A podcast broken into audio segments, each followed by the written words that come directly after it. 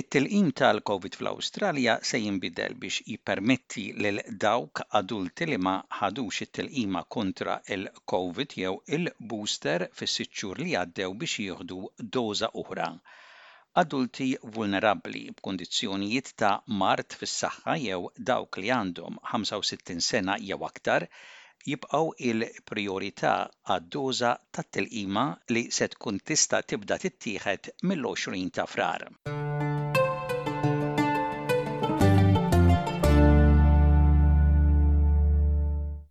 miljuni ta' nies adulti fl-Awstralja dalwaqt ser ikunu eliġibbli biex jieħdu l-ħames tilqima tal-COVID-19.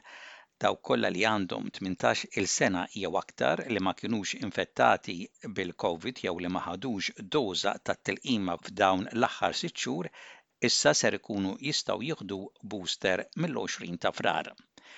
Il-grupp ta' konsulenza dwar it-tilqim għat-agi ma inkludewx tfal jew żgħażagħ teenagers b'saħħithom bħala meħtieġa li jieħdu doża oħra tat-tilqima, sakemm ma ikollhomx kundizzjonijiet tas-saħħa li jpoġġuhom fil-periklu ta' mard serju. Il-Ministru tas-Saħħa Mark Butler qal li bħalissa hemm madwar 14-il miljun persuna fl-Awstralja li qabżu aktar minn sitt xhur mindu ħadu l-aħħar doża tat-tilqima. Huwa qed jinkuraġġixxi lil dawk adulti fl-Awstralja li huma eliġibbli biex jibbukkjaw appuntament speċjalment wara l-aħħar mewġa tal-virus li ilha tippersisti fl-Awstralja minn Ottubru tas-sena l-oħra.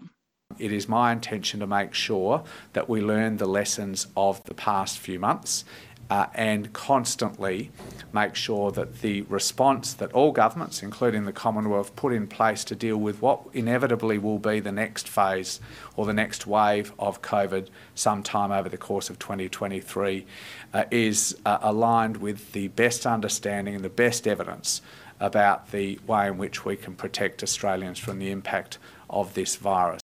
Madwar 2,600 persuna mietu bil-Covid minn Ottubru 'l hawn, inklużi 800 residenti f'faċilitajiet tal-kura tal-anzjani, qal il-Ministru tas-Saħħa.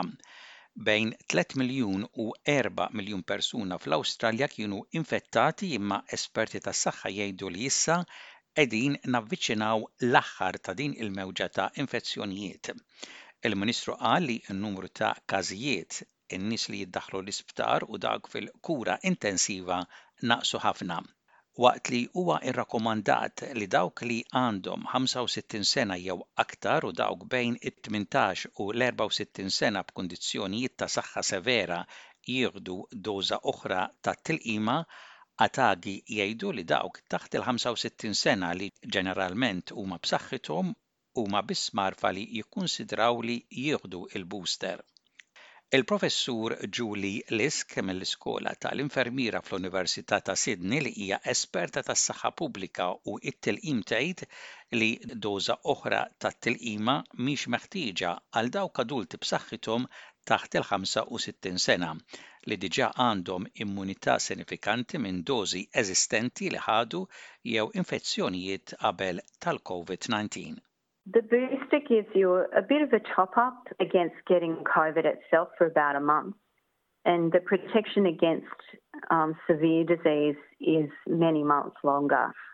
So, the biggest benefit from getting a booster is to reduce your risk of getting severe disease. Now, younger people are less at risk of getting severe disease and going to hospital with COVID to begin with. And that's why I think that the focus has been on um, people in the 18 to 64 year old age group um, should get it if they have what's called a medical comorbidity, which is where you have another illness or disease that means that you're more at risk of getting really sick from COVID.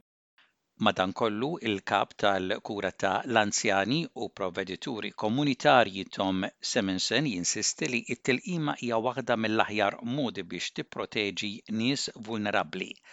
Huwa jgħid li issa li hemm anqas regoli ta' infurzar dwar il-protezzjoni kontra il-Covid, il-gvernijiet u l-komunitajiet għandhom jinkuraġġixxu responsabilità soċjali. The, other thing is making sure that we don't get complacent. Just because there is a fifth dose doesn't mean that this is fully protecting everybody from COVID. We already know that you can still catch it, suffer, and pass it on, even if you are up to date on your vaccination. So we also need to not get complacent about the level of protection we have from vaccination. Dawk fl-Awstralja li huma eliġibbli qed jingħataw parir biex jibbukkjaw appuntament mat-tabib tagħhom jew imorru fl-ispiżerija biex jirċievu l-booster tagħhom mill-20 ta' Frar.